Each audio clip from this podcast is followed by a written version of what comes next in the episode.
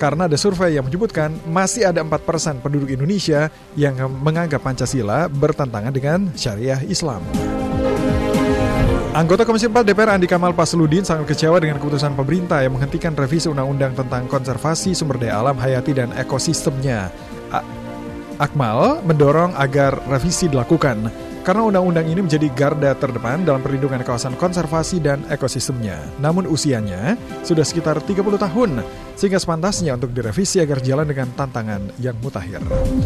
Dan peringkat Trijaya, komponen biaya gas bumi sebagai bahan baku pupuk yang terdiri dari gas dan non-gas saat ini menyumbang sekitar 70 hingga 75 persen dari total biaya produksi. Sehingga bisa disimpulkan, harga gas merupakan faktor yang signifikan dalam pembentukan harga pokok produksi. Karenanya, anggota Komisi 6 DPR Andre Rosiade meminta pemerintah membantu bisnis pupuk dengan mengubah mindset, yakni mengedepankan pengelolaan bahan mentah, minyak atau gas bumi menjadi bahan yang jadi.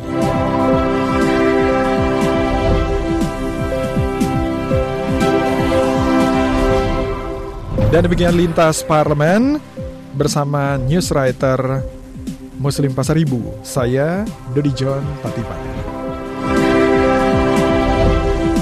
Demikian lintas parlemen.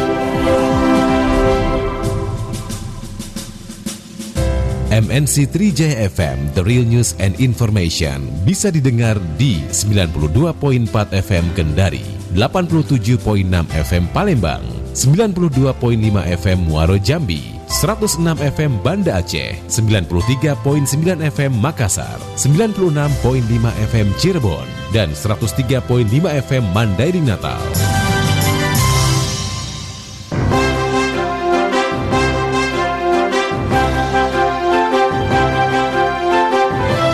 Trijaya Hot Topic Pagi. Masih live dari Ainus Tower di Menteng Jakarta Anda mendengarkan kami di Trijaya Hot Topic pagi ini tanggal 19 November 19 November hari Selasa. Hari Selasa tanggal ganjil Tanggal ganjil. Buat Anda yang platnya ganjil, Ah. silakan melintas di seluruh jalur ibu kota. Yap. Buat Anda yang wajahnya ganjil, silakan ke salon supaya digenapkan. Ingatlah tagline dari Anang ya Apa itu? Kalah ganteng menang ireng Anang lagi bikin kaos. Ah, Dia iya. jual.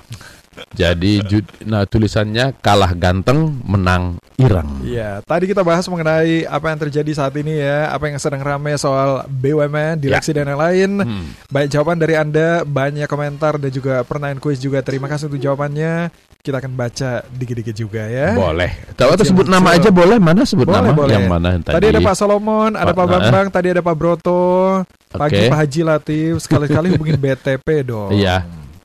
Kan terakhir udah lama waktu jadi gubernur, iya ya. Pak Eh, Suherman.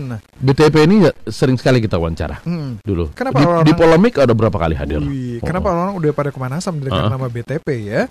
Info dari mana nih? Oh, Soekarno Bandung. Hatta Bandung Mulyono. sampai kantor Samsat Ah, ramai lancar. Iya. Asia Afrika Bandung cerah berawan. Hmm. Ini Asia Afrika di pangkalnya Pak Mulyono ada tukang sate. Kapan-kapan kalau kita ke Bandung malam-malam kita makan sate di situ ya. Ah, saran yang ah, pimpin BUMN orang yang tegas, berani dan bertanggung jawab. Itu dari siapa itu?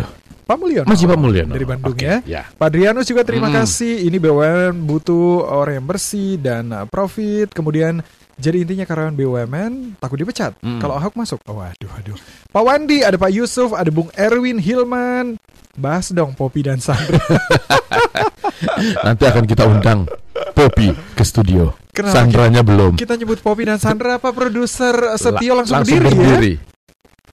Karena habis makan kurma. Sukari. suka lari. Pak Jaya, Pak Bung Latif yang mengelola negara sekarang kayak nenek moyang aja. Yang tadi Itu BUMN, BUMN, ya. Badan Usaha Milik Nenek Nenek Loh. Loh. Mas Gusrano, terima kasih. Ada Pak Anton, Mas Yogi, ada Pak Megi, Pak Maruli, Pak Agnusius Totok. Terima kasih. Ada Mas Rocky, Pak Banyak Asep. sekali pokoknya ya. Banyak sekali. Ya, intinya adalah semua orang berkeinginan BUMN itu menjadi maju, Betul. menjadi pun apa sumber pundi-pundi uang kita, Hmm. menambah pembangunan Iya. supaya tidak banyak anak-anak yang meninggal dunia Betul. karena tidak mendapatkan sanitasi yang baik. Nah, itu bagian penting dari tugas negara juga, Bung. Hari ini adalah hari toilet, Toilet sedunia. Dan hari ulang tahun juga teman-teman kita juga Yang kan. ulang tahun berarti dia ulang tahun bersama toilet. Eh, ada suara perempuan. Eh, apakah kita sedang ada di toilet? Salah salah masuk toilet? Selamat pagi, Ada Mbak Kiki. Mbak Kiki dari UNICEF. Kita akan ber halo. Selamat pagi semuanya. Pasti langsung Pak Apri sama Pak Selamat bilang itu mbaknya siaran dong tiap pagi supaya kita seger setiap pagi katanya. Gimana Mbak? Dari mana aja kemarin? Mm-mm. Terakhir lihat di IG kan dari Afrika gimana gitu, di daerah mana gitu. ya? Iya. Ke mana-mana. Uganda mana Oh, gitu, oh. Mozambik. Pokoknya negara-negara yang eh, nggak biasa deh buat orang-orang liburan yang nggak instagramable. Iya. Tapi kalau mau liburan sih aku sebenarnya pengen yang begitu. oh gitu. Nggak usah yang terlalu mainstream Oh, gitu. iya, iya, iya.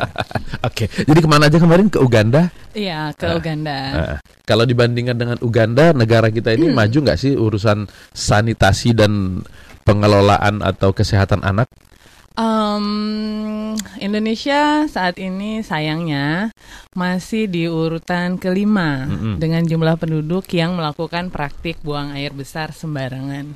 Urutan kelima melakukan sembarangan, Iya. Oh sorry, urutan ketiga. Ketiga. ketiga terbanyak. Ketiga terbanyak. Astagfirullah. Sedih ya? Sedih, sedih, sedih, sedih. Itu karena hobi atau karena apa? Atau karena kearifan lokal? Enggak. Jadi yang pertama memang beberapa masyarakat di daerah tertentu atau dari strata ekonomi tertentu punya keterbatasan terhadap akses ke sarana sanitasi. Heeh. Tapi di luar itu sebenarnya ada isu perilaku juga. Jadi banyak masyarakat belum lihat ini sebagai prioritas. Iya, iya, iya. Jadi dibilang nggak mampu punya toilet juga nggak sebenarnya. Misalnya di rumahnya ya ada Uh-uh. TV, punya kendaraan bermotor. Tapi gitu. kalau begitu harus ke Tapi punya harus toilet. harus Ah, ke- harus, uh, uh. mungkin kalau di- diadakan di lapangan itu melihat bintang, melihat matahari lebih menyegarkan barangkali ya. Tapi dampaknya luar biasa. Luar biasa. Jadi ini nomor tiga. Kita nomor tiga. Satu duanya. Nomor pertama India, disusul oleh Nigeria, Indonesia, Ethiopia, Aduh, dan Pakistan. Kenapa kita dibandingkan dengan negara-negara tidak maju itu? Sedih loh. Sedih. betul. Mm-mm. Padahal kita ngakunya negara berkembang, Iya, tapi tidak punya toilet 4 4.0. betul. Oke, apa tadi? Dampaknya apa? Dampaknya seri- ha- lebih dari se em, saya sedih nih kalau ngomong Hmm. ini Mas Latif. Nggak apa-apa supaya semua orang jadi aware dengan situasi Karena ini. seolah ini statistik padahal ini nyawa gitu ya. Mm-mm. Jadi lebih dari 150 ribu balita setiap Seratus. tahunnya itu meninggal karena diare dan sanitasi yang buruk. Dan diare yang terjadi itu erat kaitannya dengan ketiadaan sanitasi yang baik tadi. Ketiadaan sanita pengelolaan sanitasi yang baik dan Mm. juga perilaku tadi buang air besar sembarangan. Jadi anak-anak itu meninggal karena diare. Kemudian lantas pertanyaannya apa hubungannya diare eh, dengan sanitasi gitu Mm. ya. Jadi yang pertama satu banyak yang tadi masih buang air besar sembarangan. Jadi eh, kotorannya, tinjanya kemudian hinggap Mm. di lalat, Mm-mm. kemudian lalat hinggap di makanan anak-anak, makanan dikonsumsi atau di air, kemudian airnya tidak dimasak dengan benar, apalagi perilaku cuci tangan pakai sabunnya juga Hmm, masih buruk Ini gitu ya. dia. Tapi, Heeh. nah ini tapi yang paling besar, yang punya toilet pun, Mm. yang sudah punya sarana septic tank pun, Mm. ternyata menyumbang atau berkontribusi besar pada diare dan kematian pada anak balita Kok itu bisa? juga. Oh, oh. Hmm. Yang udah punya loh. ya. Udah Nah. punya. Heeh. Saya sekarang mau tanya ya, Heeh. Bung Latif sama Bung Dodi. Mm. Eh, kapan terakhir septic tanknya disedot? Eh, di rumah saya belum. Hmm. Kan Kan harus penuh baru disedot. space-nya masih luas, iya. masih gede. Kalau nggak meluber ya ngapain disedot? Hmm. Tapi ingat nggak berapa tahun yang lalu itu? saya 10 tahun. Iya sama sama 10 10. Ah. ah. Jadi Ah. kita ini orang Indonesia Ah. banyak yang punya septic tank Hmm. itu tidak proper atau tidak benar septic tanknya. Jadi septic tanknya tuh nggak sealed. Hmm. Jadi digali saja. Iya. Sehingga airnya, air Masuk. limbahnya itu menyerap ke tanah dan mencari, mencemari sumber air minum. Air kita. Hmm. Oh, Iya. Dan Makanya- pompanya berdekatan dengan itu. Nah, benar. Pantas rasanya kadang-kadang agak ini ya Nah. asem. Karena kalau yang benar itu harusnya tiga tahun dia sudah penuh dan harus di Sedot. disedot. Hmm. Nah, Tapi kita- itu kan tergantung berapa banyak orang di rumah kan? eh, ini Berap- Pak- dan berapa sering kita melakukannya? Kita kan sering di kantor. Bu. Berangkat jam 5. Tapi itu rata-rata. Rata-rata ya? Rata-rata. Oke. Nah, kita banyak yang nggak disedot atau tadi ya, Ya. Bung Dodi, Bung Ah, ah. Latif puluhan tahun nggak disedot karena seneng, nggak perlu repot, Iya, ah. nggak perlu panggil jasa apa truk penyedot tinja Hmm, gitu kan. ya. Seneng. Padahal ternyata airnya itu mencemari sumber minum kita dan sumber minum orang-orang di sekitar kita. Ya. Ah. Indonesia nomor 3 Ah. di dunia. Kalau di lokalkan ke Indonesia, di Jawa masih ada nggak sih? Jawa ini kan maju nih, udah nih Ini menarik pembangunan udah ke mana-mana. Ah, ah, Di Jawa, di Jawa udah nggak ada dong ya pasti Saya kasih ya. statistik aja ya. Boleh, boleh, boleh. Oke. Ah. Jadi di Indonesia itu masih ada 25 juta orang ya yang melakukan praktik buang air besar sembarangan. Hmm. Itu uh, fakta pertama. 10 persen. Uh, kalau dari persentase Hmm. tertinggi pertama itu Papua Oke. 31 persen, Ah. disusul Sulawesi Barat Oke. 23 persen Oh. dan Sulawesi Tengah 20 sorry du- Mm, uh, dua-duanya 23 persen. mm. Tapi kalau dari angka absolute number jumlah orangnya pertama tebak dong di mana? Ya di Papua dong. Jawa Timur, Jawa Oh. Barat dan Jawa Tengah. Di Oh. Jawa. Iya. Oh. Jadi dari 25 juta orang yang masih uh, buang air besar sembarangan Uh-uh. itu, Hmm. uh, 50 persennya itu adanya di Jawa. ini di faktor apa provinsi ya? provinsi padat ya. Hmm. Jawa Barat, Jawa. Timur. Tinggal Jakarta doang yang enggak Heeh. Jakarta juga sebenarnya tinggi. tinggi. Coba lihatlah di Eh. pinggir-pinggir sungai Iya itu. iya, masih Hmm. ada WC helikopter itu ya. Hmm, Iya iya. begitu. iya. Dan hanya 7% dari populasi penduduk yang terhubung dengan sarana pengolahan limbah domestik. Hmm. Hmm. Sebenarnya kan air limbah domestik ini, air tinja ini kalau diolah eh, kemudian di, disebutnya water treatment begitu ya. Hmm. Itu nanti limbahnya tidak berbahaya lagi gitu. Tapi sayangnya kan sekarang kalaupun disedot misalnya sama truk dibuangnya ke sungai juga. Iya. Nah, ini jadi kenapa kita perlu bicara eh, sanitasi aman karena ini bicara eh, bukan hanya septic tanknya, toiletnya juga tapi pengolahan limbahnya dan ini nggak bisa eh, cuma rumah tangga tapi juga harus pemerintah, sektor swasta semuanya harus terlibat. Ya, jadi, jadi banyak sekali ya. Ada yang belum punya sama sekali. Betul. Kalaupun sudah punya, ternyata penempatannya keliru Mm-mm. atau tadi itu penanganannya nggak baik. Iya. Udah punya dan penanganannya baik, ternyata pem- Setelahnya itu prosesnya. Ah. juga tidak baik. Betul. Banyak sekali. Perlu sekali kita tahu ini ya. Oke baiklah. Ya. Pendengar Trijaya yang masih komen langsung di sini ya. Tadi Di- udah ada langsung tuh. Ah, ah. Tadi apa tadi bilang tuh? Katanya kalau udah punya ada obatnya bioteng apa? Bioteng. Ada bilang gini kan udah ada bio, obat bioteng jadi nggak perlu disedot. disedot. Oh iya. Bioteng ini fungsinya apa? Buat ngancurin gitu ya. Ini Pak April langsung membahas Ya. soalnya merdu banget. Kayaknya enak banget gimana Iya, gitu iya. pagi ya. Ah. Oke oke. Di Papua, di Papua mungkin itu ditaruh di luar supaya jadi emas. Ada ada aja logam, di iya. Pak Apri nih. Warnanya sama-sama kuning tapi nggak belum tentu emas. Iya iya. iya. Mas Mario Wirajaya, Mbak boleh nanya Boleh nomor dong. handphonenya berapa? Oh kalau Astaga. itu. Pak Wira, Pak, Pak Wirajaya nggak lagi sama Ibu? Iya, iya, iya. Oke, kita bicara mengenai pokoknya hari ini ya, Hari Toilet Sedunia. Apakah Anda sudah punya toilet dan sudah pengelolaannya secara baik? Iya. Dan mengejutkan adalah 150 ribu anak Indonesia Ah. meninggal dunia karena sanitasi yang tidak Setiap baik tahun. setiap tahun. tahun. 150 ribu. Berbahaya Oke, sekali. baiklah. Ya masih komen dan informasi yang lain langsung di sini ya. Di Trijam FM, The Real News and Information.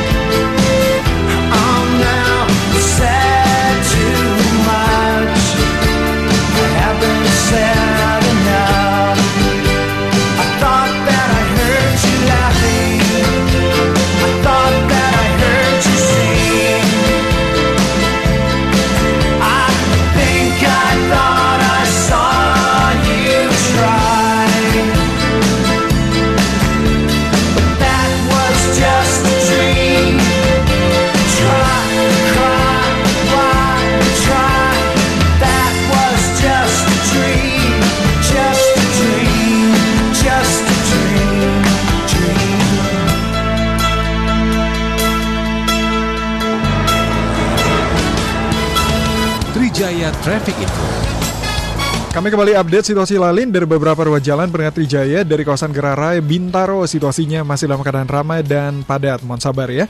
Informasi berikutnya, ini ada kabel PLN yang mengeluarkan percikan api di sekitar SPBU Pasar Bo. Teman-teman dari PLN mau dibantu nih. Kemudian dari Pak Karno di pertigaan Traffic Pertanian, situasinya dalam keadaan padat tapi masih ngalir. Ada Mbak Dina, Mekarsari Bekasi macet banget pagi ini. Berikutnya kilometer 5 200 dari Rawamangun ke arah Cawang ada kendaraan box gangguan di kiri jalan ya. Mohon sabar. Berikutnya dari tol Serpong Pondok Ranji situasinya dalam keadaan ramai. Di jalan Kebagusan Raya TBC Tupang situasinya dalam keadaan ramai padat. Mobil pun seperti parkir katanya. Terima kasih untuk Anda yang telah berbagi. Yang lain kita masih tunggu di sini di Trijaya Hot Topic. MNC Trijaya 104,6 FM Jakarta, The Real News and Information.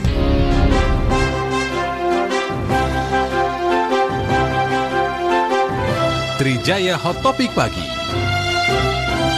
Masih di sini di Trija FM, The Real News and Information hari ini tanggal 19 November, hari Selasa, bertepatan dengan Hari Toilet Sedunia.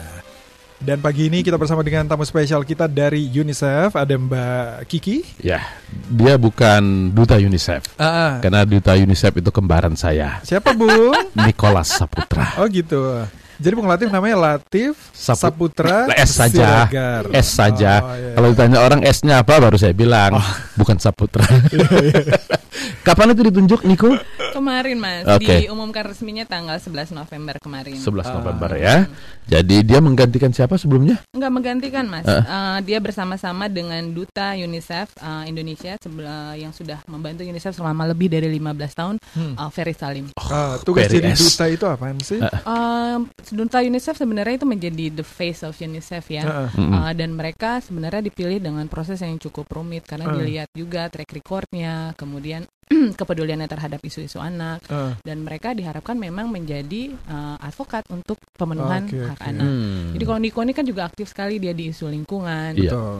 Mm-mm, termasuk Jadi- sanitasi. San- oh, Jadi- sanitasi juga. Iya. Jadi Bu selama Oh. masih ada Ferry Salim, Niko, ya, Ya, kita saya untuk belakangan lah. sih kayaknya Ya, agak berat lah. Jadi du- eh, Niko ini duta sanitasi. Hah. Tapi jangan berharap langsung nanti kalau ada peresmian toilet dia peletakan tinja pertama. Jangan. Oh, Itu pem- pemotongan pita aja. Iya, iya, iya. Selamat pagi Kakak Pinta yang mendengarkan kita di Solo. Teman-teman dari Solo juga selamat pagi semuanya. Katanya di Solo suaranya nggak terlalu jelas. Oh, oke. Dia mendengarkan kita lewat streaming. Iya, iya, iya. Langsung Anang bilang nggak jelas itu faktor pulsa. Jadi Nang, kamu bener nih pulsa. ngomongin Pinta nggak punya pulsa. Pinta ulang tahun loh. Happy birthday! Iya Kak Pinta, terima kasih. Masa dia ulang tahun bersama toilet. Iya, iya. Oke, baik. Banyak kasih komen loh. Dat, Bung Latif, Mbak Kiki di Jakarta aja masih banyak loh. Hmm, langsung ke kali. Ke kali. Di, di depan apartemen lagi. Di apartemen apartemen saya di Roxy. Oh, Pak Habib berarti dari atas ngeliatin. itu kan masih banyak ya? Banyak, Heeh. banyak sekali. Di bantaran uh, sungai itu uh, masih banyak sekali warga yang mandi, Mm-mm. cuci, Hmm. sikat gigi, Dan buang buang air, air besar, air kecil, semua anak, orang tua, bayangkan. Sama, sama sapi, kuda juga di situ Iya. kali ya dimandiin. Jadi ada studi mas, Ah, oke. eh, itu 40 pers 45 persen air sungai di Indonesia itu sudah berstatus tercemar berat. Hmm. Ini data berat. dari Kementerian Lingkungan Hidup dan Kehutanan Hmm. tahun 2017. Dan itu sungai banyak pemanfaatnya. Maksudnya pema- pemanfaatnya? Mereka menggunakan air itu untuk Iya. mandi dan segala Iya. macam masih banyak. Yang Betul. tercemar itu. Betul. Iya, Mm-mm, iya. mm-mm. Ikut Aduh, menjadikan Bung ya. menjadikan. Tapi itu realita yang ada di kita. Itu realita. Oke. Mhm. Nah, apa ini kan kita peringatan selalu hari toilet dan kemudian kita tahu data-data seperti ini. Pemerintah itu sudah melakukan banyak hal nggak sih untuk mengatasi ini? Sebenarnya banyak yang sudah dilakukan. Jadi termasuk di antaranya penyediaan sarana apa toilet, kemudian juga eh, apa namanya beberapa kebijakan yang didorong untuk pemenuhan eh, sarana sanitasi ini. Tapi memang PR-nya besar ya. Jumlah penduduk kita juga masih sangat eh, besar. Hmm. Jadi PR tadi besarnya bayangkan hanya 7% loh yang punya eh, eh, terhubung dengan layanan pengelolaan eh, limbah, Limbah. domestik. Hmm. Jadi bayangkan 93 persennya itu air limbah itu yang memang ke mana-mana, ke sungai, ke sumber air minum kita. Iya. Jadi yang tadi kan Bung Latif sempat sebut ini di Jawa ada nggak gitu. Mm. Justru ini masalah besar ini di perkotaan, di urban slum ya. Hmm. Karena kan padat penduduk. Heeh, betul. Nggak mungkin lagi kita punya rumah dengan misalnya sarana septic tank yang jaraknya ideal dengan Ya. sumber Sumur. air minum Dengan- kan iya, 10 iya. meter kata Betul, yang ah. yang ideal. Bayangkan mungkin kita bisa 10 meter tapi jangan-jangan sumur kita cuma satu meter dari, Dari septic tanknya tetangga. Iya, iya, sebelah iya, rumah, iya. betul. Iya, iya. dari dari tempat saya sih 10 meter. Ah. Ternyata dari pompa saya itu septic tetangga. Kenapa taruh di sini? Ya biar pompa saya jauh katanya. iya, Iya, jadi iya, iya. nggak bisa diselesaikan juga dengan satu dua rumah tangga. Ini persoalan yang harus diselesaikan bersama-sama secara komunal. Hmm. Jadi kalau untuk wilayah Islam itu solusi eh, di antaranya solusinya mereka membangun eh, sistem pipa bersama, kemudian septic tank bersama gitu. Hmm. Karena nggak punya lahan, ketersediaan lahan tuh sangat terbatas kalau di wilayah eh, urban Islam atau perkotaan yang kumuh atau yang padat. Iya, Mbak Kiki apa dampaknya kalau misalnya tadi kan septic tanknya sama sumber air yang dikonsumsi itu dekat? Hmm, ya apa? tadi rasanya agak gimana? Oh, selain rasa, selain rasa ya itu semua patogen, semua bakteri, Bakteri E. situ. Iya, itu iya, mencemari sumber air minum kita karena Oh, airnya menyerap. Tadi iya. juga ada pertanyaan pakai apa itu bio. bio bio bio itulah. Itu sebenarnya Nah, belum ada penelitian yang membuktikan bahwa itu benar. Karena Hmm. sebenarnya proses di septic tank itu kan diurai dan tetap ada lumpurnya dan airnya t- itu tadi harus ada yang disedot. bilang bio itu penghancur. Mm-mm. Kalau hancur saja bukan berarti kemudian airnya Hmm, betul, airnya Iya, tetap iya, iya. menyerap ke tanah. Iya, iya, iya. Iya. Ada Pak Yones, saya, saya punya pengalaman tentang warga buangan air besar di kali. Kebetulan saya kebu eh, ada kebun warga. Oh, jadi bukan cuma di kali tapi juga Ah. di kebun ya, Bung? Betul. Heeh. Oke, oke. Mm-mm. Ada Pak Bowo, isu sanitasi air, limbah sampai ini terlanjur jadi komoditas. Strategi pembangunan dan komunikasinya kurang Nggak kreatif, kreatif, dari iya. pemerintah. Betul. Program yang terlalu diban jadi bancakan. Iya, iya. Iya, Jadi iya. orang tidak terlalu memikirkan ini ya Ah, dalam ah. pembangunan kita yang begitu pesat ini. Dan memang belum jadi isu prioritas. Mm-mm. Ini bisa dilihat dari sedikitnya alokasi anggaran Hmm. untuk sanitasi. Baik itu dari pusat dan pusat daerah. maupun daerah. Eh, angkanya itu tidak sampai satu persen dari total GDP ya. Oke, Bayangkan kecil sekali. perlu ada Kementerian Sanitasi Iya, iya, Nasional Mhm. Harus jadi prioritas. harus jadi prioritas. iya. Betul. Hmm. Mengingat dampaknya ya. Eh. Tadi kan kita bicara angka kematian anak ya. Makanya, Betul, betul. apakah Kementerian PPA juga punya kepedulian dengan ini? Kalau segala isu yang terkait dengan anak tentunya Kementerian eh, Perlindungan Anak punya kepentingan. Ah. Karena ini juga hmm, sebenarnya isunya satu tadi kematian anak Hmm. ya, 150 ribu anak per tahun. Tapi ini juga terkait dengan stunting. Oh, ya. Se- Sering dengar kan ya, iya, jadi anak tumbuh pendek Mm-mm. eh, apa dibanding dengan usianya dan ini bukan hanya masalahnya bukan hanya pendek tapi juga eh, berpengaruh pada kognitifnya. Iya. Hmm. Nah, diare yang berulang Ah, ah. Heeh. itu menyebabkan gizi buruk karena Oh. apa yang dikonsumsi Air nutrisi Keluar. yang masuk. keluar Heeh. semuanya. tidak sebanding dengan yang Hmm. keluar sehingga Hmm. anak tidak punya cukup nutrisi untuk berkembang Hmm. Hmm. gitu baik secara psikis maupun kognitifnya Hmm. dan ini kenapa stunting di Indonesia prevalensinya tinggi sekali Iya. 30% A- a- ada pengaruh nggak yang tadi data misalnya di beberapa daerah tingkat orang yang buang itu Mhm. keberadaan Lalu kemudian stuntingnya juga- angka stunting yang Stunting. tinggi juga. Iya. belum ada penelitian atau Hmm. setidaknya saya tidak punya datanya saat Iya. ini tapi Hmm. itu kalau secara nasional erat kaitannya Hmm. Oke. Jadi ini hak anak dong berarti ya. hak Kalau anak Hmm. akibatnya meninggal dunia sementara dia punya hak asasinya hak hidup gitu kan. Betul. ah. Siapa yang harus memenuhi ini? Kita semua Kita tuh siapa? Kita orang tua, Uh-uh. kita masyarakat, kita pemerintah, kita sektor swasta. Hmm. Karena ini adalah janji kita pada anak-anak. Ini tahun ini adalah 30 tu- 30 tahun perayaan Konvensi Hak Anak, Hmm. CRC, Convention on the Right of the Children. Hmm. Eh, 30 tahun lalu berbagai pemimpin dunia, Mm-mm. pemimpin du- pemimpin eh, dunia Mm-mm. itu menandatangani atau meratifikasi Konvensi Anak An- Hak Anak. Hmm. Jadi kita semua berjanji waktu itu bahwa kita akan memenuhi hak-hak anak. Apa aja sih hak anak? Hak untuk hidup, Ya. hak untuk sehat, hak untuk sekolah, hak untuk mendapat perlindungan. Itu. Dan ini salah satu hak yang paling dasar. Air bersih, hak Hmm. untuk hidup, hak untuk sehat. Nah, setelah 30 tahun itu ada perbaikan? Eh, di tentunya ada ya. Yang paling terlihat eh, angka kematian anak itu memang turun drastis. Hmm. Kemudian contoh penyakit polio itu tadinya membunuh ribuan anak setiap tahunnya. Sekarang sudah dikurangi dengan drastis. Tapi Hmm. PR yang lainnya juga masih banyak.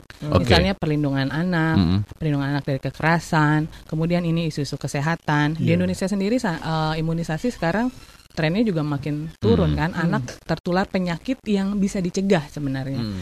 Jadi ini PR besar dan saat ini tadi Kak Pinta di Solo bersama Hmm. teman-teman bersama eh, pemerintah eh, Jawa Tengah dan juga eh, wali kota Surakarta Hmm. ak- sedang bersiap untuk memperingati 30 tahun konvensi hak anak ini. Hmm. Oke. Nanti dari Menteri eh, PPA? PPA, Mm-mm. Perlindungan Anak dan Perempuan juga akan, Akan hadir di sana ya? Iya. Oke, Iya. oke. Oke. Bersama dengan anak-anak Indonesia yang akan menyuarakan eh, aspirasinya, 30 Oke. tahun konvensi anak menuntut itu ya. haknya, iya. Iya. Ini toilet hak dasar, Hmm. elementer. Tapi Hmm. tadi sempat disinggung oleh Kiki juga soal kebiasaan cuci, tangan. ya. Kalau ini mengacu pada pendidikan atau enggak sih? Saya sering ketemu loh di kantor kita saja Iya, di iya. kantor Mm-mm. eh, yang menurut kita orang kerja di kantor kan secara Yang strata pendidikan sudah bagus. Teredukasi. Banyak ya. loh habis buang air nggak cuci tangan. Langsung Betul. keluar Hmm. aja. Iya. Ini soal pendidikan atau apa? Jadi perilaku itu tidak ada hubungannya dengan pendidikan. Contoh atau pengetahuan. Contoh merokok. Berapa banyak orang yang Hmm. Ah, tahu? Iya, Langsung tersindir. Si- Lanjutkan, Pak. Berapa juta orang yang tahu kalau merokok itu dampaknya begitu buruk tapi tetap merokok. Ah, Jadi masalah perilaku mas satu belum sadar, Hmm. tidak. Jadi bisa jadi memang tidak tahu bahwa itu dampaknya besar. Mm. Eh, kemudian eh, tahu tapi tidak peduli atau tahu tapi tidak tahu apa yang harus dilakukan. Jadi Ah. memang kampanyenya harus eh, masif ya. Itu perilaku yang sangat sederhana dan efektif mas. Bayangin Iya. cuci tangan pakai sabun sebelum makan dan setelah dari Mm-mm. toilet. Mm. betul betul. Jadi kalau mau suapin tangan. anak, Ah. mau makan, mau menyiapkan makanan sesederhana itu mencegah anak diare. Iya, Tapi iya, itu iya. tidak dilakukan. Iya, iya. Dengan iya. air bersih aja masih bisa kena diare, apalagi udah tangan kotor, Hmm. cuci tangan dengan air kotor pula gitu kan? Atau nggak dicuci. Iya, Atau nggak dicuci. Aduh. Ya, Oke, nggak dicuci sama sekali. Baiklah, ya mau kasih komen langsung di sini. Ada Pak Purbo yang bilang saya baru setel radio. Ah. Apa katanya Bung? Ibu tamu ini suaranya bagus, merdu. Ah. Ibu ini bisa nyanyi nggak sih? Silakan eh, dijawab Mbak Kiki untuk Pak Purbo. Dia punya album sih, Eh, tapi album foto. album foto.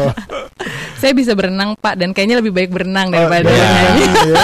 Eh, ini ini Mbak, nanti dijawabnya nanti, tapi ta- boleh dibacain sekarang Pak Sodik nih. Mbak Kiki, apakah dana desa itu juga dialokasikan buat pembangunan Ah, septic tank di daerah-daerah, Betul, di desa dan kelurahan? Desa dan kelurahan. Sangat bisa. Tapi ada pengalaman, ada desa setelah mendapat dana satu miliar itu Hmm. di desa-desa banyak yang berubah nggak? Ada Ya. beberapa wilayah, tapi ini juga perlu advokasi karena dana desa itu juga em, kepentingannya banyak, gitu Banyak. ya. Hmm. Ada yang memutuskan atau merasa lebih penting, lebih prioritas membangun jalan, Jalan, misalnya. Iya, infrastruktur Uh, uh, atau jalan. membangun sarana yang lain. Iya. Nah, ini sebenarnya PR-nya bagaimana kita membuat isu sanitasi menjadi prioritas Hmm. sehingga dana-dana yang tersedia dialokasikan Berarti untuk itu. perlu pemahaman juga Nah. kepada mereka-mereka di desa ketika Iya. ada menentukan musren bangdes, Ah, ah. Musyawarah rencana pembangunan desa, Iya. sanitasi harus Apalagi masuk. sanitasi itu penting ya. Ya. Yang lain silakan di sini di 0812 Just a triple young satu sepuluh empat enam. girl with a quick fuse. I was uptight, wanna let loose. I was dreaming of bigger things and wanna leave my old life behind. Not a yes sir, not a follower. Fit the box, fit the mold, have a seat in the foyer. Take a number. I was lightning before the thunder.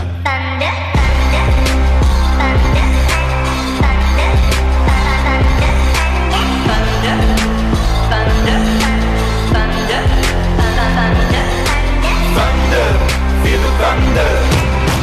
Lightning and the thunder. Thunder, feel the thunder. Lightning and the thunder. Thunder, thunder. Thunder. Kids were laughing in my classes While I was scheming for the masses. Who do you think you are? Dreaming about being a big star.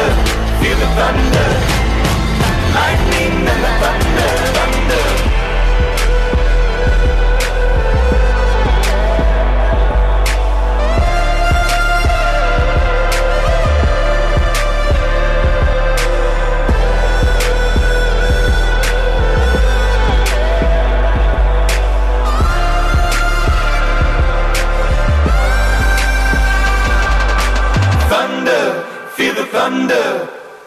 Lightning and the thunder. Thunder, thunder, feel the thunder. Lightning and the thunder. Thunder, thunder, feel the thunder. Lightning and the thunder.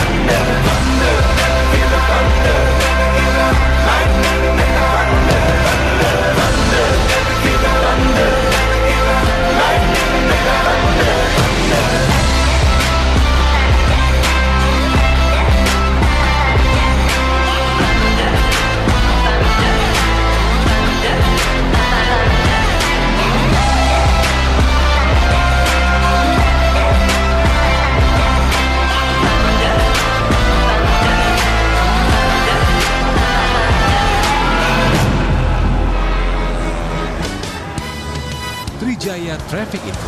Kembali di informasi Lalin pagi ini peringkat Trijaya. Tadi ada penanganan kecelakaan di Purbalenyi sekitar Jatiluhur ya. Ada kontainer melintang di lajur 1 dan saat ini situasinya agak padat di sana. Ada Mas Doni melaporkan macet parah Semanggi menuju ke MT Haryono karena ada perbaikan jalan. Terima kasih, mohon bersabar dari Polda Metro Jaya. Kawasan Pramuka Raya situasinya dalam keadaan ramai. Kemudian informasi yang lain dari Jalan Ahmad Yani Bekasi dalam keadaan ramai, Harapan Indah juga dalam keadaan ramai, dari sekitar kawasan Pondok Gede dalam keadaan ramai, Jalan Raya Kemayoran ada operasi kepolisian di sana ya. Kemudian di sekitar Travelet Duku Bawah situasinya dalam keadaan ramai. Tol dalam kota masih berlaku kontraflow saat ini, tetap berhati-hati di jalan. Dari Cibubur Cipayung di ruas tol Ci eh, ya, situasinya masih ramai padat.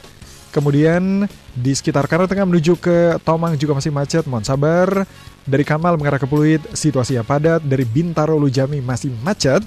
Dari Bambu Apus Taman Mini, situasinya masih padat. Itu informasi lalin di 3 FM. News Traffic Info. Leon, MNC Trijaya 104.6 FM Jakarta.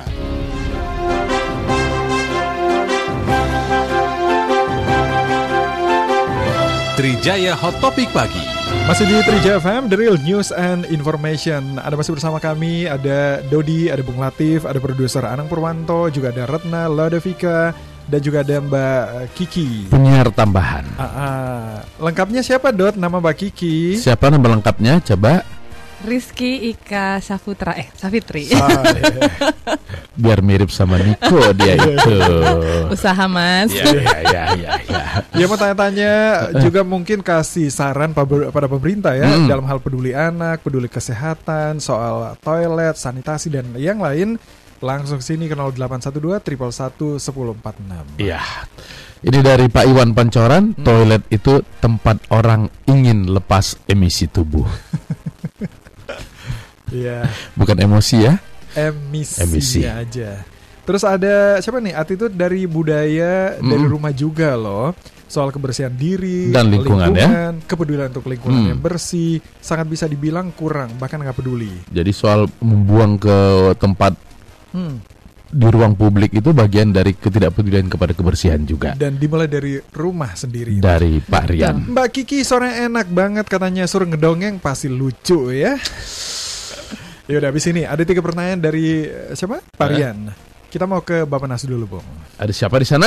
Ada Kepala Subdirektorat Sanitasi Direktorat Perkotaan, Permukiman dan Perumahan Bapenas, Pak Wahanudin. Pak Wahanudin, selamat pagi. Pagi, Pak. Selamat pagi, Mas Jody, Mbak eh, Mas Latif, Mbak Kiki. Iya. Dan Selamat Mbak- pagi, Pak. Siapa lagi? Selamat pagi. Pak Wahanudin, Ya, hari kita sedang membahas tentang Hari Toilet. Toilet Sedunia. Ternyata Ya. dampaknya toilet ini besar sekali, Pak ya. Ada 150 ribu anak yang meninggal setiap tahun karena eh, masalah kebersihan yang berawal dari toilet yang tidak ada. Sebenarnya pra- eh, yang dilakukan oleh pemerintah selama ini untuk mengatasi hal ini apa sih, Pak? ya. Oh, terima kasih. eh, selamat pagi eh, semuanya. Eh, dari pemerintah concern terhadap sanitasi sangat besar sekali. Mm-mm. Seperti kita ketahui, kita juga salah satu negara yang komitmen terhadap eh, SDG, Sustainable Development Goal atau tujuan pembangunan berkelanjutan. Kita juga punya, itu adalah komitmen kita kepada masyarakat global ya Mas ya. Mm-mm. Dan juga komitmen kita terhadap masyarakat kita sendiri dengan RPJM-nya. Dan ini menjadi bagian dari prioritas nasional kita, sanitasi ini. Termasuk ya di dalamnya ada toilet hari ini, uh, toilet Mm-mm. dan yang kedua adalah memang kalau kita tidak tangani dengan baik masalah sanitasi atau eh, eh, apa itu eh, toilet atau jamban ini, ini negara dirugikan luar biasa. Seperti tadi yang disampaikan tadi ada berapa eh, ribu Anak meninggal Dan- dunia ya. ya anak meninggal dunia, Mm-mm. bahkan dari segi ekonomi juga luar biasa kita kerugiannya. Eh, bahkan yang paling terakhir yang sedang hit sekarang ini adalah masalah stunting. Mm-mm. Ya. Mm. stunting. Stunting itu yang kita takutkan bukan stunting karena uh, cebol fisiknya, Iya. tetapi cebol otaknya. Kemampuan Ah. kognitif dan segala Iya. macam, Pak ya. Banyak Hmm. yang cebol fisiknya itu pinter uh, Mm-mm. banyak sekali, tetapi yang kita takutkan adalah uh, cebol apa uh, pemikiran kita. Kita kan sedang me, apa gencar-gencarnya untuk pembangunan SDM ya, uh, apa sumber daya manusia. Bagaimana kalau saya boleh ilustrasikan cebol otak tuh kalau komputer gitu, Mm-mm. komputer tuh kalau sekarang kita sudah Pentium 7 sudah oh, udah canggih ya. Mm-mm. Kalau yang yang Stunting tadi. itu kan itu kan kayak masih MS DOS itu loh. Mungkin- Iya. Masih pakai Kalau disket. kita Iya, kasih iya, iya. Program ya kita Ah. kasih program yang bagus Ah. itu dia tidak bisa bukannya lemot Mm. muter terus nggak nyampe nyampe tapi hang jelek hang langsung rusak iya, iya. masuk itu anunya Ah. nah seperti ini seperti itu Ah, dan ini dari li- empat empat eh, pencegahan stunting mas Mm-mm. mungkin kawan-kawan perlu ketahui kan pertama adalah eh, eksklusif breastfeeding memberikan asupan asi asi eksklusif ya selama dua tahun lalu kedua ada memberikan makanan Mm-mm. tambahan supaya baik ibunya maupun anaknya supaya apa kualitas asupannya itu bagus yang ketiga adalah mendekatkan layanan kesehatan Oke. dan yang yang keempat adalah air minum dan sanitasi ini Sanitasi. jamban tadi jamban tadi itu ah, budgetnya Jadi Nah, sanitasi ini eh, berat erat kaitannya dengan stunting dan kematian Ya. tadi, Pak ya. Ya, saya ingin menyampaikan bahwa sudah dikasih eksklusif breastfeedingnya bagus, Mm-mm. asupan tambahan bagus, Mm-mm. gizinya bagus, kesehatannya didekatkan dengan kesehatan, tetapi begitu sanitasinya jelek, mencret, nggak ada apa-apa itu investasi itu tidak akan terjadi. Ya. Dan Oke. ini jadi menjadi penting sekali. Saya kira, saya kira gitu. Oke, Luar Pak biasa. Wahanudin ini ternyata eh, kita nomor tiga di dunia pengelolaan sanitasi yang buruk Eh, dan Jawa ternyata masih juga dianggap sebagai apa daerah yang tidak mengelola sanitasi dengan baik. Apakah kebijakan pembangunan kita atau memang karena jumlah penduduk yang begitu besar nggak seimbang lagi di Jawa dengan lahan yang tersedia atau gimana Pak? Ya, eh, memang eh, banyak sekali faktornya. Kalau saya mungkin akan update dulu bahwa kita saat ini akses sanitasi kita Mm-mm. itu eh, masih di tataran 74 persen yang layak, yang layak ya. Dari yang 74 persen itu, Mas, Mm-mm. baru 7,5 Mm-mm. itu yang aman. Artinya kalau punya WC eh, punya septic tank, septic tanknya disedot dan lumpurnya diolah dengan baik. Hmm. Atau dengan yang skala kota seperti yang di Bali, yang sekarang kita sudah beberapa kota sudah punya itu. Selain itu masih dengan yang punya toilet tetapi tidak septic, artinya tidak pernah Iya, Hmm. Pak. Hmm. disedot. Hmm. Dan yang lainnya adalah masih juga banyak yang pakai pit latrine, masih ada yang buang air besar sembarangan. Dan ini jumlahnya kurang lebih masih sekitar 9 persen. Hmm. Hampir 20, ya sekitar masih ada 20 jutaan yang 9%. masyarakat kita yang tadi, iya banyak yang ya. tadi pagi masih banyak Hmm. yang tadi pagi masih buang air sembarangan. Nah Oke. sebenarnya ini yang harus harus kita hilangkan di 2024 nanti.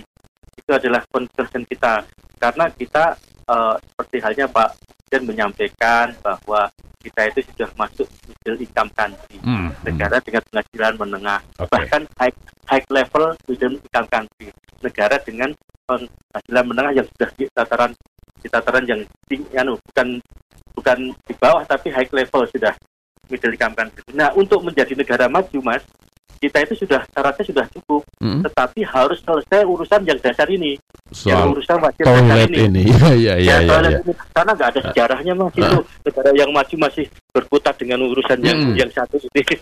Iya. gitu ya. Nah, Dan- yang dilakukan oleh pemerintah untuk eh, mengatasi ini selama ini apa sih, Pak? Iya. kita udah masukkan ke dalam apa yang disebut dengan RPJM kita. Hmm. Kita kan eh, RPJM kita eh, itu kan kita masuk dalam prioritas nasional. Kita masuk prioritas nasional dan eh, sebenarnya ini juga menjadi urusan wajib pemerintah daerah. Jadi ini urusan wajib pemerintah daerah. Jadi belum pemerintah daerah itu membangun yang lain-lain, harusnya urusan yang wajib dasar ini harus diselesaikan. Sayangnya memang belum semua pemerintah daerah itu menegakkan kepala daerahnya itu komitmen terhadap program ini. Nah, tentunya kami juga tetap mendorong membuatkan program, membuatkan apa bagaimana kita mendampingi daerah untuk bisa melakukan ini termasuk bagaimana menyediakan skema-skema pendanaan Mm-mm. karena tidak semua kabupaten kota itu nasibnya semuanya baik. Iya. Kalau boleh dikatakan ya itu yang harus kita kita dorong ke sana. Hmm. Kita Oke. bantu, kita kita berikan tenaga, Mhm. kita bantu untuk perencanaannya, kita bantu bagaimana melaksanakan dananya dari mana. Eh, itu skema-skema itu kita kita buat dan termasuk hibah-hibah dari pusat ke daerah Hmm. kita sampaikan Oke. supaya daerah bisa menjalankan fungsi eh, Hmm. untuk Termasuk Pendanaan kewajiban, termasuk eh, selain pendanaan, termasuk kewajiban semua sebuah kota untuk eh, menyediakan, Pak, menyediakan sanitasi Iya. yang layak ini. Iya, ini harus Kalau misalnya tidak semua rumah bisa melakukan, apakah bisa kemudian di tempat umum yang dipakai bersama-sama itu kewajiban Iya, pemerintah kota iya. juga? Ya, kalau secara teknis untuk layanan eh, sanitasi atau eh, jamban atau toilet ini kan ada dua macam Hmm. secara garis besar. Ada yang sistemnya on-site. Mm-mm. On-site itu adalah yang di rumah-rumah. Sistemnya ada jamban, ada septic tank. Itu masing-masing rumah mempunyai. Ada yang sistemnya off-site.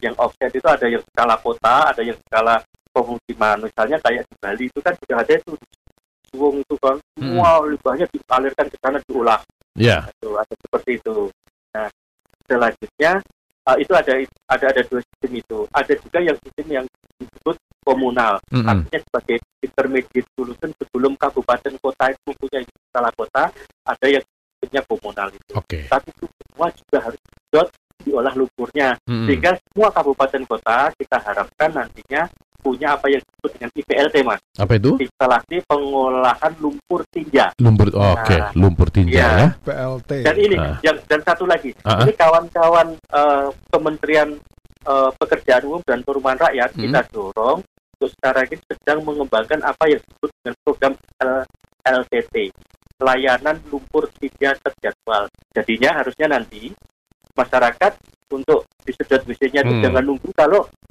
mampet Hmm. tetapi Oke. harusnya setiap tiga tahun sedot sehingga Hmm. tidak mencemari sumber air tanah kita seperti air minum kira-kira begitu mas Baik. Jadi berkala nggak menunggu ada eh, masalah Baru ada disedot. baru disedot Pak. Iya. Iya, Oh, iya. Iya. Oke. Jadi sebetulnya kebijakan atau intervensi interdep bisa dilakukan Pak ya. Misalnya mewajibkan Kemenbu UPR untuk IPLT, LLTT atau mungkin juga Kementerian Pendidikan sekolah-sekolah wajib punya jamban yang Betul. baik untuk siswa. Betul, betul. Ah. Jadi gini, di, di pusat itu ada uh, yang disebut dengan POKJA, kelompok kerja Ah, air minum dan penyihatan lingkungan atau Mm. AMPL mm, yang uh, dikoordinasi oleh Bapenas yang anggotanya adalah Kementerian Pekerjaan Umum, Mm. Kementerian Kesehatan, Kementerian Pendidikan, Kementerian Lingkungan Hidup, ada Kementerian Dalam Negeri, Oke. ada Kementerian Keuangan. Ah. Yaitu salah satunya untuk itu karena ini urusan ini tidak bisa diselesaikan oleh satu instalasi dan Baik. begitu pun di provinsi maupun di kabupaten semua OPD harus Mm. bekerjasama. harus Tidak bersama. bisa hanya ya tidak hanya sama-sama bekerja, tetapi Mm. bekerja sama. Bekerja sama. Ya. Oke, Oke. baiklah. Sudah ada Pokja, dananya sudah cukup. Mudah-mudahan peringatan Targetnya- Hari Toilet Sedunia tahun depan kita sudah tadi bicara lagi tentang hal-hal seperti ini ya, Pak ya. Ya, Baik. lagi mas. Apa lagi, Pak? lagi mas. Apa itu? Eh, eh, kita tanggal 2, Ah. tanggal 2 eh, Desember nanti, Mm-mm. insya Allah kita akan ada yang dinamakan apa konferensi sanitasi dan air minum nasional. Ini adalah event eh, puncak kita Mm-mm. untuk kita mengadvokasi baik itu ke pemerintah, baik itu kepada masyarakat, bagaimana kita melaksanakan program-program air minum sanitasi dengan baik. Oke. Dan insya Allah di 2021 nanti kita akan menjadi tuan rumah Mm. internasional per, eh, apa yang disebut dengan SWA Sanitation Air Minimum for All itu Oh. kita akan menjadi tuan rumah seluruh Kementerian Keuangan untuk membicarakan masalah sanitasi ini Oke. Oke. seluruh Kementerian Keuangan di dunia Di Baiklah. dunia. Jadi ini Pak, kepedulian seluruh ah. dunia ternyata sanitasi Ya. ini ya. Ya. Kalau Baiklah. sosialisasinya masih kurang, boleh manfaatkan Trija FM, Pak ya. Yeay. ya kita bisa bekerja sama mas Iya. terima kasih Oke. Kasih Pak Wahanudin. Selamat pagi. Selamat pagi Yap, itu Kepala Subdirektorat Sanitasi Direktorat Perkotaan Pemukiman dan Perumahan Bappenas Wahanudin. Jadi perlu ada award sebetulnya nanti ya Hmm. untuk daerah yang berhasil mengatasi ini ya atau membangun Betul. sanitasi yang paling banyak se eh waktu itu ada loh ada rest area yang dapat muri karena banyaknya kamar kecilnya kan Ah, pernah nggak atau saya bilang-bilang aja nih ada ya mbak ya ada oke maunya itu juga di banyak tempat. di banyak ya. tempat ya Oke, ya, yang lain kita bahas masih ada segmen terakhir. masih dong Habis ini ya, ya. habis dari ini nih, Dokter Sotia mau kasih informasi ke Anda mengenai batuk dan pilek. Tetap di sini di Trija. Healthy Life, MNC Trijaya FM. Halo pendengar Trijaya, bagaimana kabar Anda hari ini? Berikut ini merupakan tips untuk mengatasi batuk dan pilek pada anak-anak. Anak-anak memang lebih rentan terserang batuk pilek. Agar penanganannya tepat, ketahui beberapa fakta tentang batuk pilek ya. Batuk bukanlah penyakit, melainkan reaksi tubuh untuk mengeluarkan sesuatu yang menghalangi jalan nafas. Batuk harus dipandang sebagai reaksi positif agar anak tetap bisa bernafas. Batuk umumnya menyertai flu yang disebabkan infeksi oleh virus. Flu virus akan sembuh sendiri dalam kurun waktu 3-5 hari. Antibiotik bukanlah obat flu yang disebabkan oleh virus. Ada beberapa jenis batuk. Yang pertama yaitu batuk produktif dan yang kedua adalah batuk non-produktif. Nah, batuk produktif adalah batuk yang disertai produksi atau keluarnya dahak. Yang kedua, batuk non-produktif biasanya tidak disertai keluarnya dahak sehingga sering disebut dengan batuk kering atau batuk alergi. Nah, segera ke dokter apabila terdapat infeksi di telinga yang sering ditandai dengan rasa nyeri di bagian tengah telinga. Kemudian demam melebihi 39 derajat Celcius. Dan si kecil tampak mengantuk atau sangat rewel. Serta munculnya bercak-bercak kemerahan di area kulit. Terjadi kesulitan bernafas atau tampak sesak. Dan setelah tiga hari, batuk tak kunjung mereda serta semakin mengganggu. Langkah penanganan yang bisa Anda lakukan yaitu berikanlah kenyamanan. Orang tua yang selalu berada di dekat anak sakit akan membuatnya merasa nyaman. Dan tingkatkan daya tahan anak dengan memberikan buah-buahan yang mengandung banyak vitamin C seperti jeruk, jus tomat, jus stroberi, atau jambu. Pastikan kecukupan waktu istirahatnya. Dengan cukup beristirahat, daya tahan tubuh anak akan jauh menjadi lebih baik. Serta hindari pemberian makanan yang merangsang batuk, seperti goreng-gorengan atau makanan dan minuman yang terlalu dingin. Minumlah air putih hangat sesering mungkin untuk memudahkan proses pengeluaran dahak yang mengganggu pernafasan. Dan jemur si kecil di bawah sinar matahari pagi sekitar pukul 7 sampai pukul 9, 10 menit menghadap matahari, lalu 10 menit membelakangi matahari. Tepuk-tepuk punggungnya sekitar 2 menit dengan jari tangan untuk membantu mengeluarkan dahak. Agar nyaman, bisa dioleskan juga minyak kayu putih, minyak telon, atau balsam penghangat untuk anak di area dada dan punggungnya. Jika batuk pilek tampak mengganggu, bawa anak ke dokter untuk diperiksa dan diberi obat sesuai gejala. Saya, Dr. Dewi Sotia, ikuti Instagram saya di @drdewisotyaofficial atau @sotiadr dan simak Healthy Life setiap Jumat jam 8 malam hanya di MNC Trijaya FM. MNC Trijaya Network, the real news and information.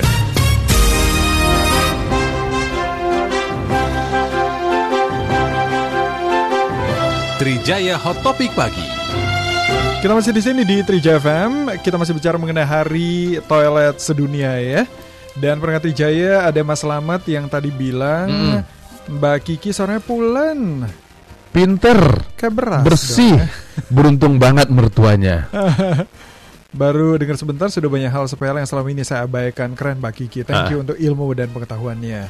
Minta nomor telepon juga, Mas Selamat? Iya. Jangan, nanti kan Mas Selamat lagi dengerin radio sama mertua kan? Ah, ah. Bisa-bisa warisan melayang. Ada tadi Mas Rian. Mas Rian, Apa Mas Rian. UNICEF sudah melakukan action untuk Hmm. membuat sanitasi yang baik untuk warga yang tinggal di bantaran kali? Ya. Apa saran UNICEF? Misalnya bikin lomba, ada reward, Reward, buat daerah atau oke. kampung untuk mengubah situa sanitasi. Atau mau bikin bikin komik nggak katanya untuk edukasi Oh iya, kepada supaya bu- uh, tidak buang air sembarangan. Ada? Ah, Ada. Jadi Uh-uh. eh, UNICEF ini kan lembaga eh, Perserikatan Bangsa-Bangsa ya. Mm-mm. Jadi memang kami di sini misinya salah satunya yang pasti untuk pemenuhan hak anak. Mm-mm. Dan dilakukan itu melalui berbagai cara. Jadi kita kerja upstream work, Mas.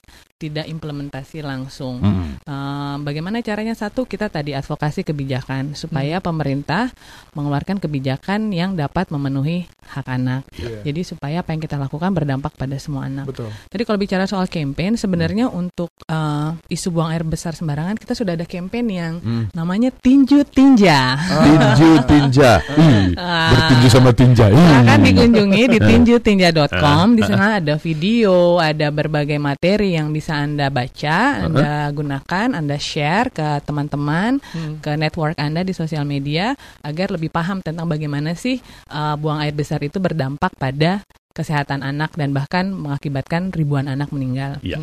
Nah, tapi ke depan ini kita mau buat uh, kampanye yang lebih komprehensif karena Hmm. kan tadi ya masalahnya bukan hanya buang air besar sembarangannya saja. Sudah buang air besar kalau septic tanknya tidak uh, disedot, uh, apa limbahnya tidak dikelola dengan baik tetap jadi masalah juga. Oke. Nah, ke depan tadi bersama dengan Bappenas, bersama dengan kementerian uh, yang lain, kita akan membuat kampanye yang lebih komprehensif tentang sanitasi aman ini. Hmm. Dan mudah-mudahan tadi duta UNICEF uh, akan bantu untuk Ya. menyuarakan ini supaya lebih banyak orang sadar Betul. dan melihat ini sebagai prioritas. Oke. Tadi ada bilang saya banget tuh Bung Latif, saya jarang banget cuci tangan pas mau makan. Waduh. Ternyata berbahaya, Ah, Mas. Dari Ah, toilet sedunia ternyata banyak masalah di Pulau Jawa ya. Jadi orang-orang di luar Jawa jangan cemburu karena masih unggul dalam hal-hal tertentu, Iya. yaitu hal punya toilet lebih baik daripada Ada yang bilang orang gini, di Jawa. ada masyarakat di desa di Jawa Timur Uh-uh. masih belum sadar pentingnya toilet mau BAB modalnya pan, Pacul dan sarung. Iya makanya ini di kampung kamu, Kampung mana? di Jombang, Jombang. di, Jo- di Jombang. Oh itu di Jombang. Ada yang tersinggung loh. Oh iya iya iya. Tadi Nuda ya yang Nuda soal ya. dana desa. Ah. Siapa lagi? Ada Pak Bowo tadi, ada Pak Mm-mm. Yohanes, ada Pak Hendy Sanjao ini yang buat kuras WC itu. Ya. Oke, oke. Ini ternyata baiklah. penghancur. Tapi kalau impactnya tadi soal air tanah itu tetap Yang nggak nggak ter, ya nggak teratasi. belum ya. Dari Muslim Pasar Ribu. Mm. Itu Kiki baru Pasar Ribu, saudara saya. Ah. Aku ngaku nih Muslim. Pangaribuan saya, bukan pasar Apa nggak Ibu. ribuan? Oke, salah berarti.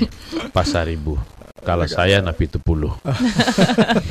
Ribuannya kurang. Oke.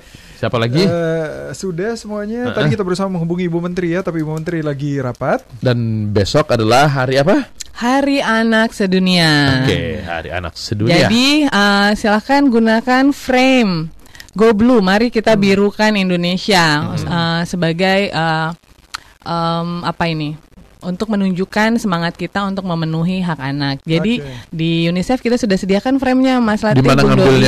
Bisa lewat em, apps Hmm, atau Twitter atau bisa apa? ke UNICEF Indonesia. UNICEF Uh, Indonesia. ada ada Instagramnya, ada Uh-uh. Facebooknya. Uh. Nanti di sana bisa ambil framenya terus dipasang. Dan Oke, kita besok harus pakai baju biru. Pakai baju biru. Baju biru di hari Dan Rabu. semangat buat teman-teman yang di Solo ya, Ya. yang sedang persiapan buat event besar besok Konvensi apa tadi? Hak uh, anak. hak, Hak anak. anak. 30 tahun. 30 tahun. Mhm. Ya. Seumuran lah kita ya dengan konvensi hak anak. ya, Bung. Tuaan konvensi setahun dari saya. Siapa lagi yang belum kita baca? Semua udah kita baca. Oke. Terima kasih untuk semuanya. Jadi pesan UNICEF buat Mm. kita semua nih di Hari Toilet Sedunia. Apa dia? Oke, yang pertama, kalau Anda masih melakukan praktik buang air besar sembarangan, hentikan. Hmm. Segera gunakan toilet. Hmm. Kalau belum punya toilet, bangun toilet, Hmm. ya. Kemudian cuci tangan pakai sabun. Selalu harus sebelum makan sudah buang air besar. Ini intervensi paling sederhana, simple tapi dampaknya besar, ya. Kemudian kalau Anda sudah punya toilet, terutama warga di kota yang sudah mampu, diperiksa toiletnya itu sealed atau tidak. Kalau tidak harus di sealed. Dan kalau sudah di sealed mau tidak mau setiap tiga tahun kira-kira Harus di- dia harus disedot Ah. ya. Jadi eh, ini bukan hanya perilaku yang berdampak pada diri kita, tapi juga orang-orang di sekitar kita. Jadi eh, kalau kita membiarkan ini, sama saja kita sudah membiarkan anak-anak terjangkit penyakit dan membiarkan anak-anak Indonesia meninggal karena penyakit, yang Penyakit. sebenarnya bisa dicegah dengan betul. mudah. Iya, itu dia. Tadi kan- Penyakit yang hmm. bisa dicegah dengan mudah. Termasuk Itu dia apa? Diare dan Betul. lain ya. Tadi kan kalau lihat statistiknya ya, setiap tahun 150 ribu anak.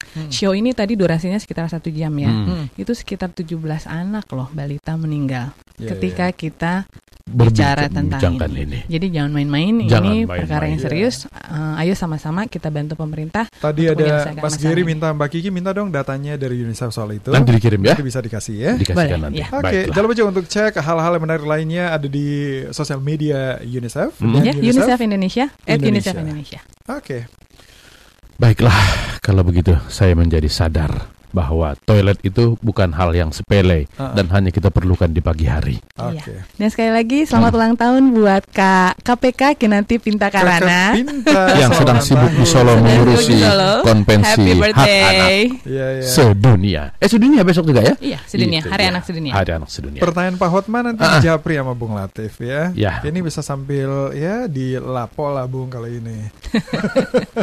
Aduh, kenapa kenapa sih tadi harus menyinggung soal rokok? Kan kita hari ini bahas hari toilet. Iya, iya, iya. Kenapa dicontohkan ke rokok? Jadinya. Pak Hotma